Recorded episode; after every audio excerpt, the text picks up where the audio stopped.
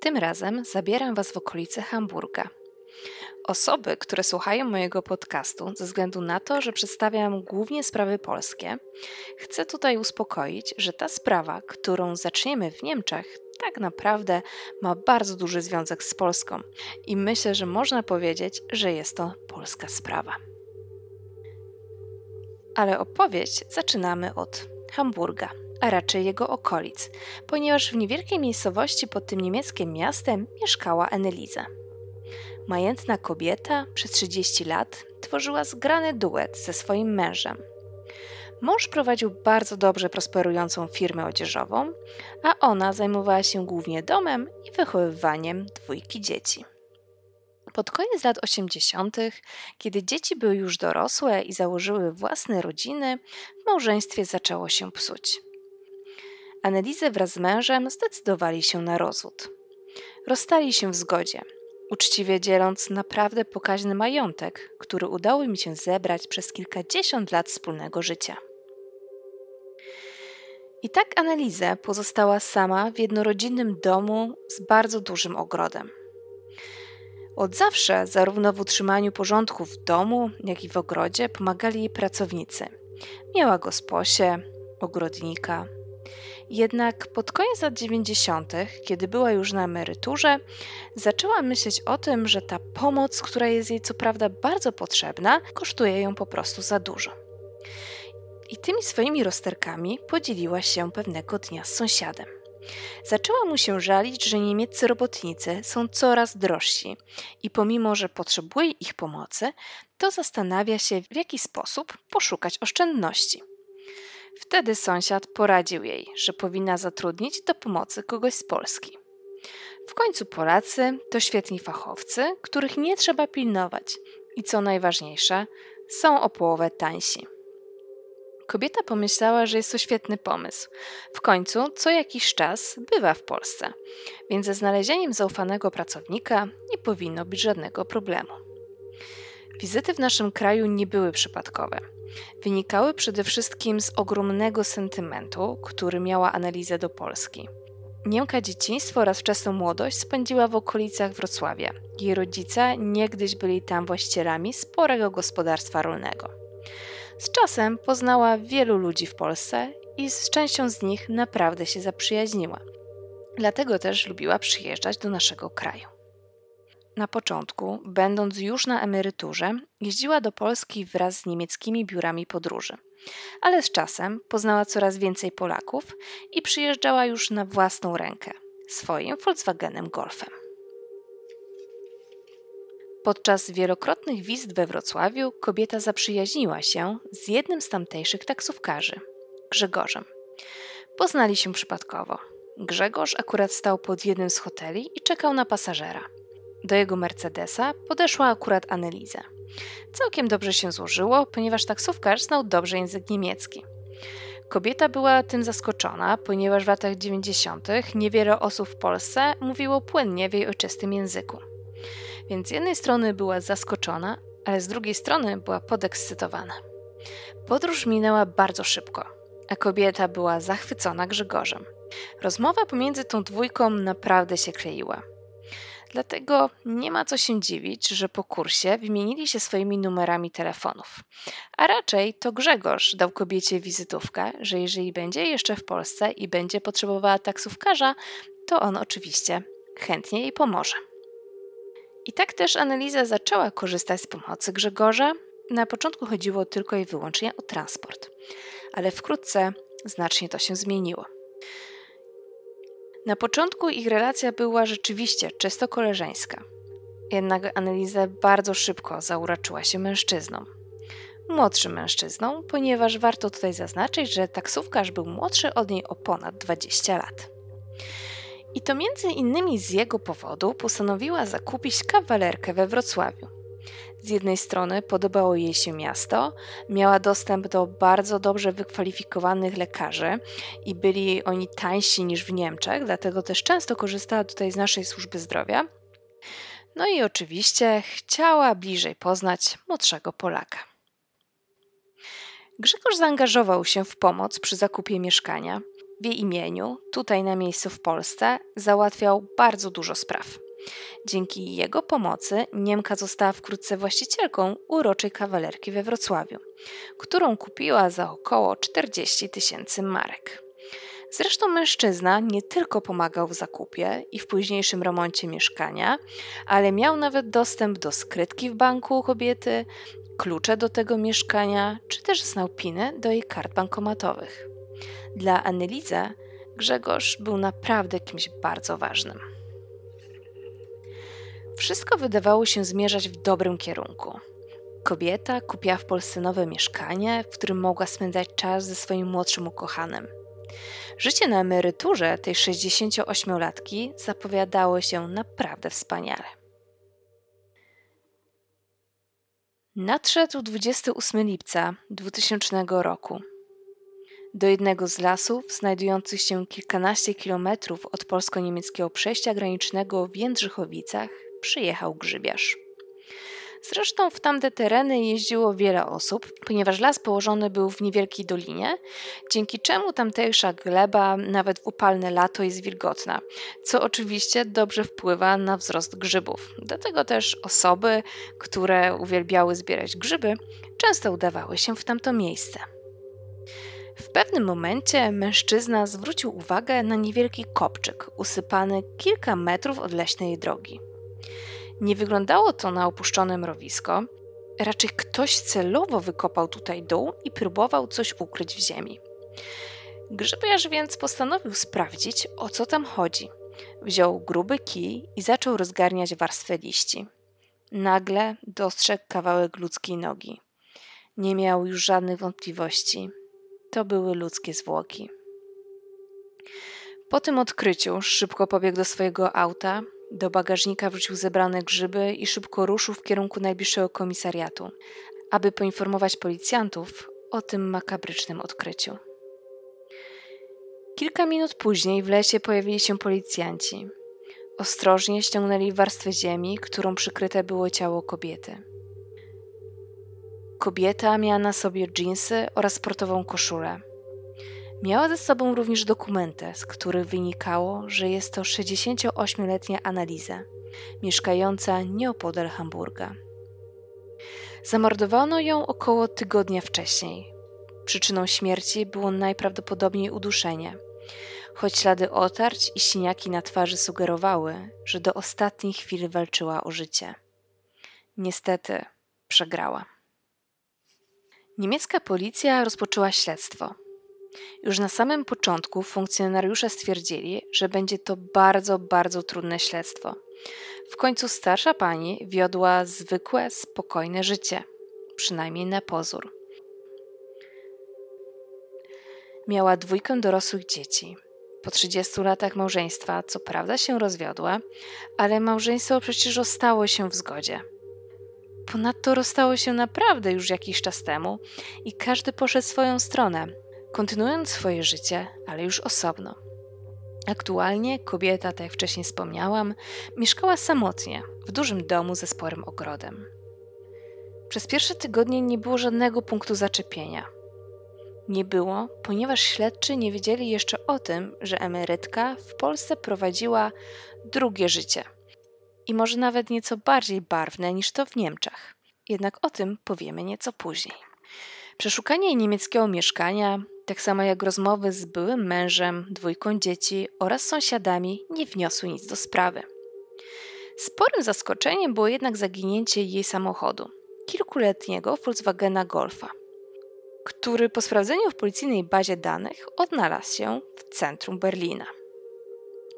Auto już od ponad miesiąca stało w strefie płatnego parkowania, ale jego właściciel nie opłacał stosownych opłat, nie zapłacił też kilku mandatów, których zresztą nie wyjmował za wycieraczek. Dlatego rzeczywiście za wycieraczkami Volkswagena Golfa naprawdę można było znaleźć sporą ilość mandatów.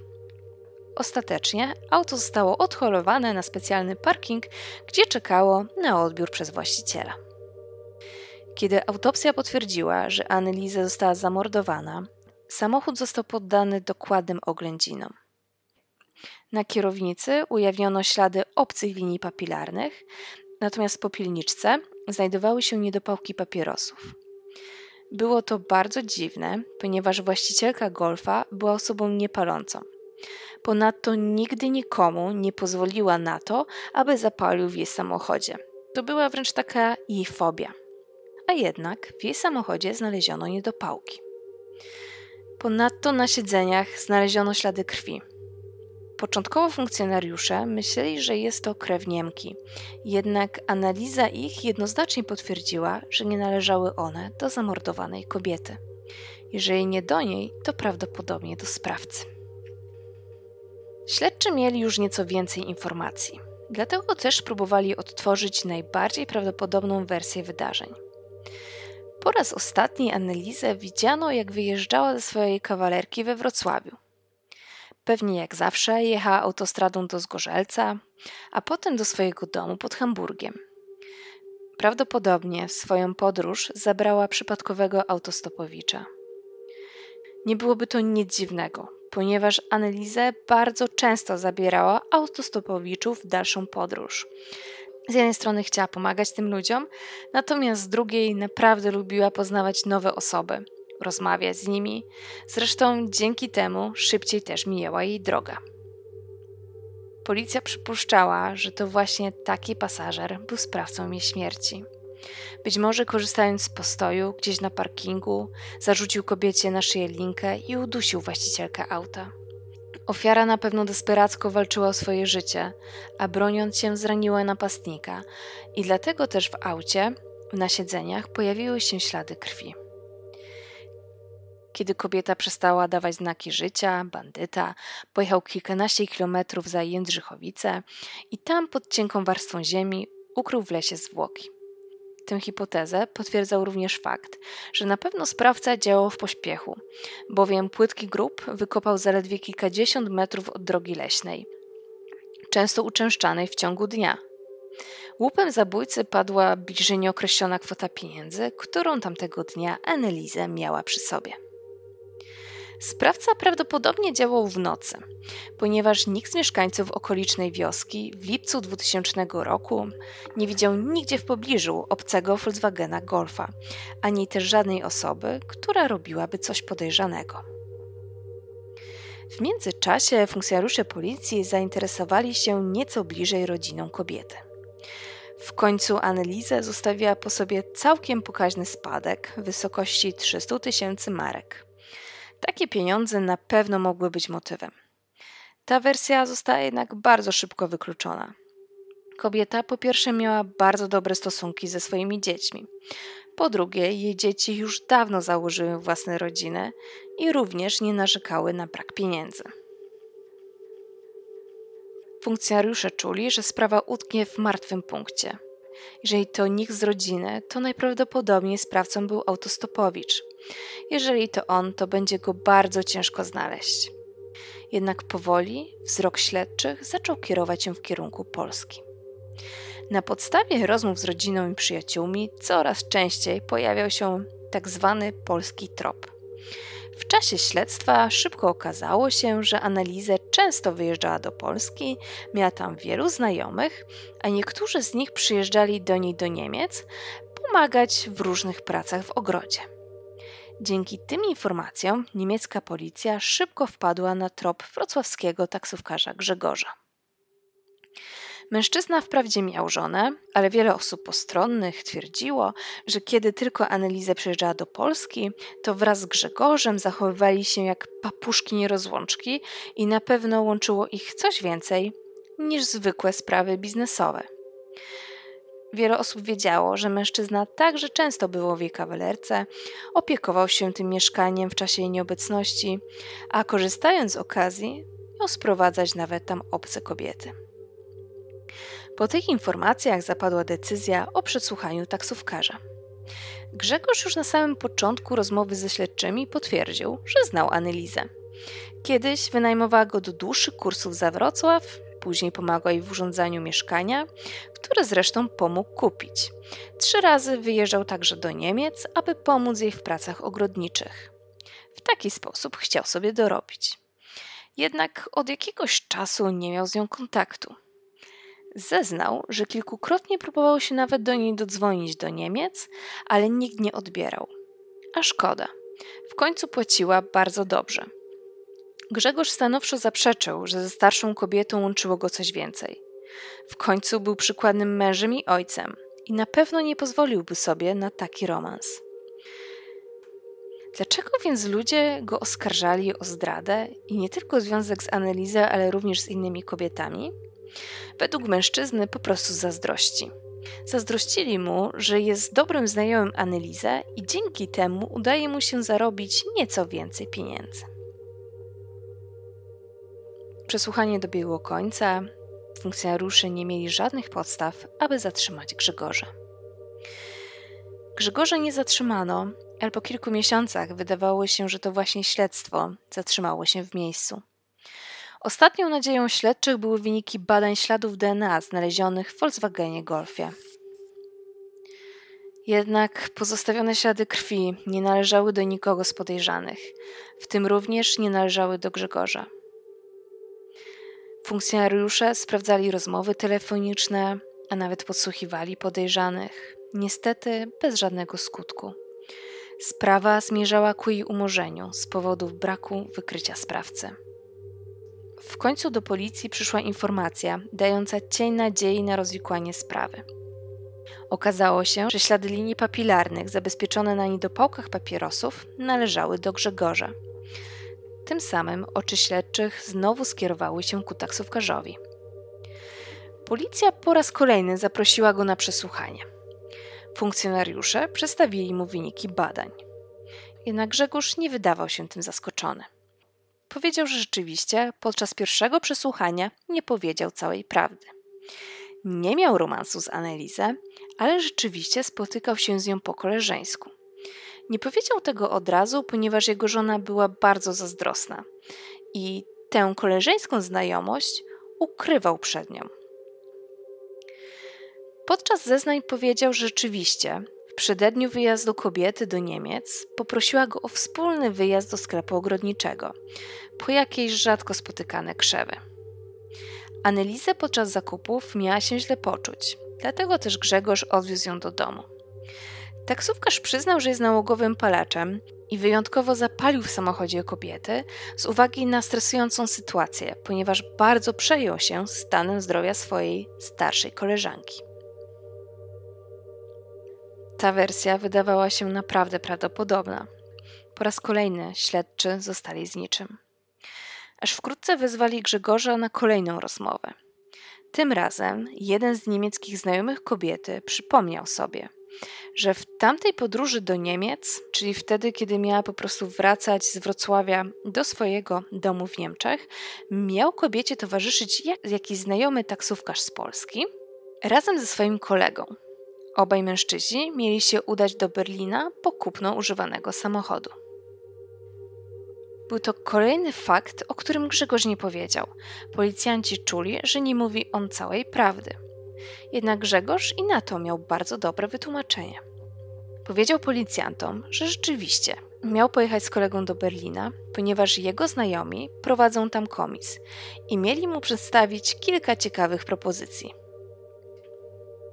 Jednak dzień przed planowanym wyjazdem Grzegorz pokłócił się z Anelizę. Chociaż według niego powiedzenie, że się pokłócił, jest zbyt dużym słowem. Po prostu nie dogadali się odnośnie zapłaty za wcześniejszy kurs. Według taksówkarza kobieta dała mu znacznie mniejszą kwotę pieniędzy niż się umawiali. W związku z tym Grzegorz miał unieść się honorem i pojechać do Berlina pociągiem już w innym terminie.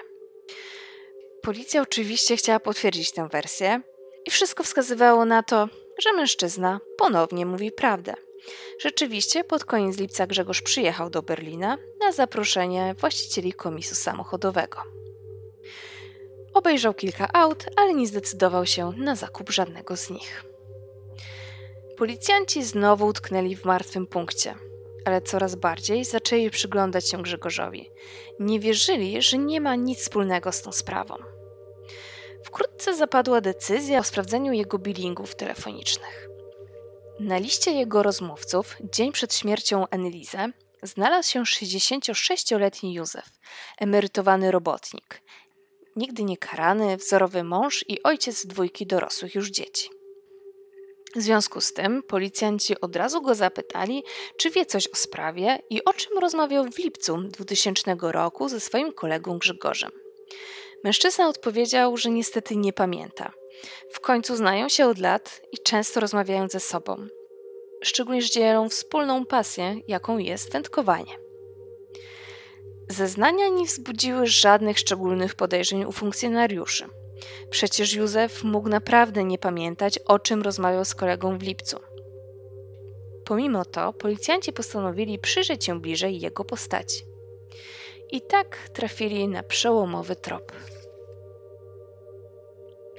Okazało się, że w pociągu pospiesznym Berlin-Warszawa, przejeżdżającym przez kolejowe przejście graniczne, dokładnie 24 lipca 2000 roku podróżował Józef.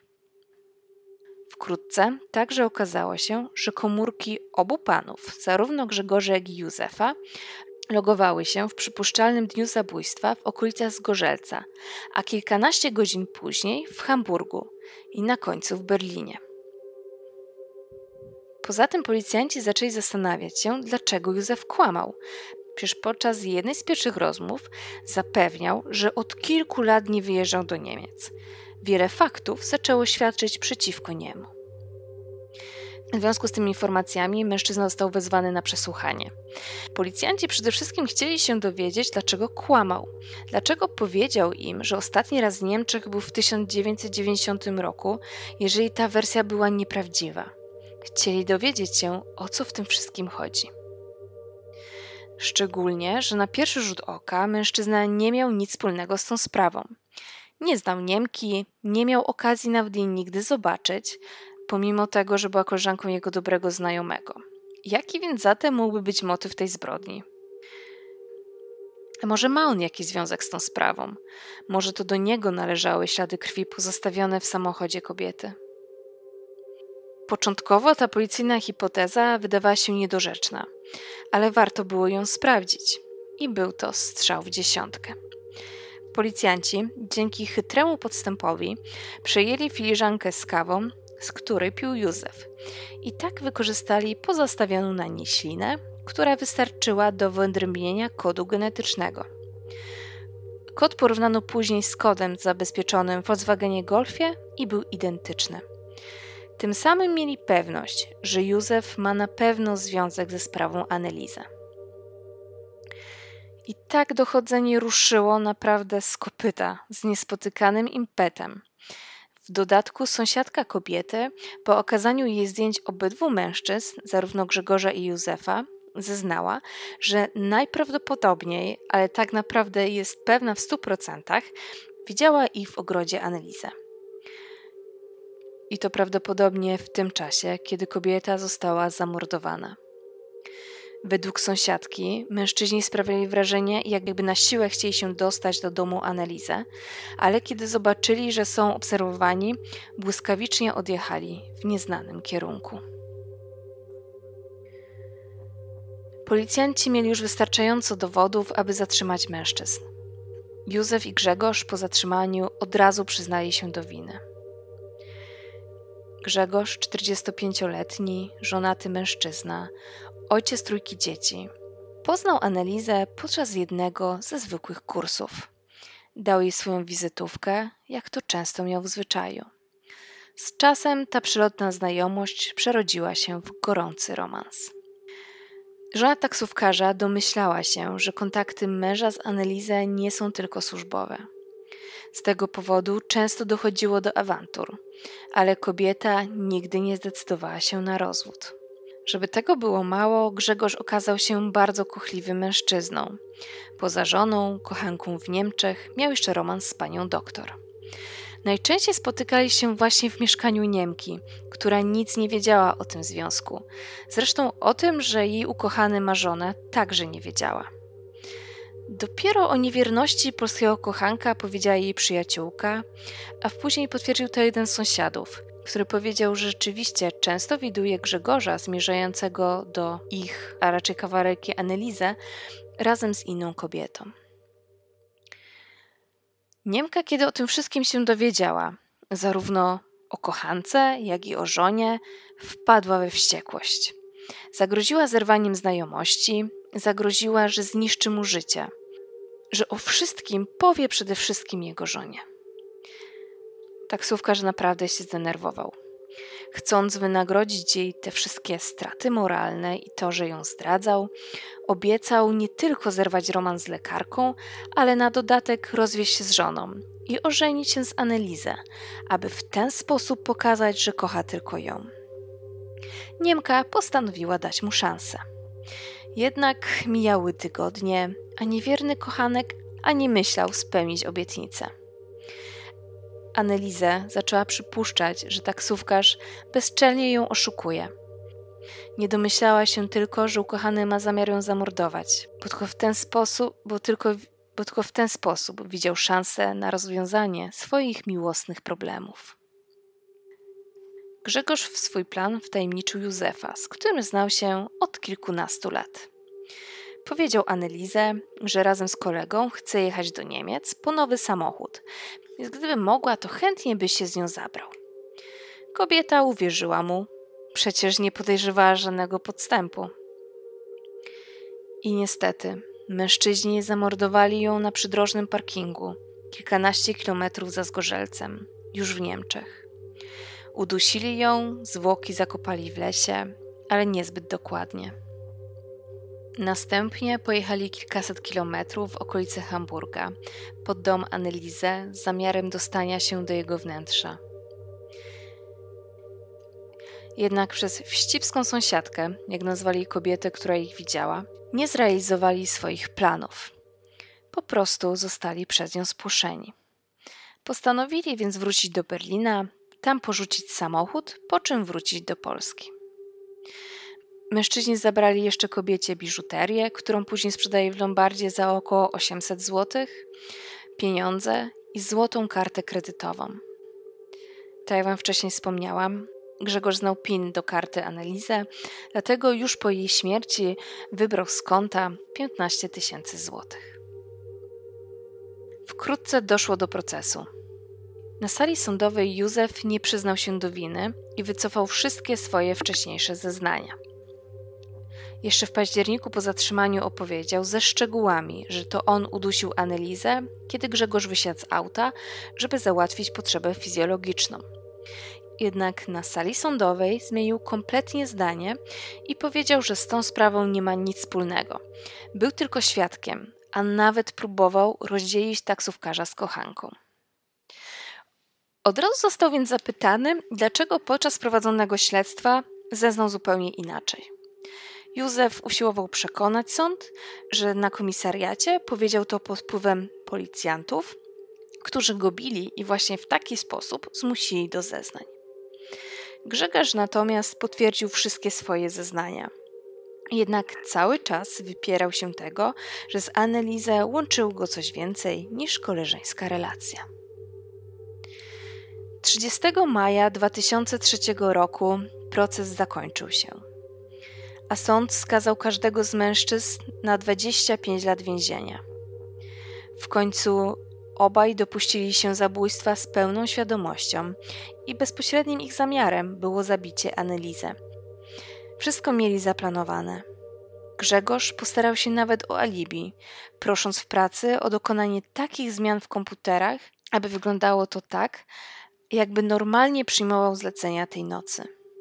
Innymi słowy, ta zbrodnia nie była w ogóle zbrodnią przypadkową, tylko była zbrodnią całkowicie przemyślaną. Po 15 latach od wyroku Józef zaczął starać się o warunkowe, przedterminowe zwolnienie. W grudniu 2018 roku Sąd Okręgowy we Wrocławiu warunkowo zwolnił go z odbycia reszty kary, wskazując na jego pozytywne zachowanie w więzieniu i krytyczny stosunek do popełnionych przestępstw. Prokurator złożył oczywiście zażalenie o tej decyzji, wskazując, że w stosunku do skazanego nie istnieje pozytywna prognoza kryminologiczno-społeczna, która pozwalałaby na przyjęcie, że gdy mężczyzna wyjdzie, nie popełni ponownie podobnego przestępstwa. Jeżeli w momencie popełnienia zbrodni Józef miał 66 lat, to znaczy, że o wcześniejsze wyjście z więzienia starał się w okolicach 80. Pomimo zażalenia tej decyzji przez prokuratora, Sąd Apelacyjny we Wrocławiu w styczniu 2019 roku utrzymał jednak w mocy orzeczenie Sądu Okręgowego. W związku z tym prokuratura zdecydowała się więc złożyć wniosek o kasację. Zażądała uchylenia postanowienia i przekazania sprawy ponownie do sądu apelacyjnego. Tutaj niestety nie znalazłam informacji, czy rozprawa w sądzie apelacyjnym się odbyła i czy też Józef wyszedł już z więzienia. Jednak, tak jak wspomniałam, nawet jeżeli doszłoby do tego, że po 15 latach mężczyzna będzie mógł wyjść z tego więzienia, to wyjdzie już jako ponad 80-letni mężczyzna. I to tyle, co dzisiaj dla Was przygotowałam. Jestem bardzo ciekawa, czy znaliście wcześniej historię Analizę i jej polskiego kochanka. Jak zawsze liczę na Wasze liczne komentarze na temat tej sprawy, ale nie tylko. Do usłyszenia.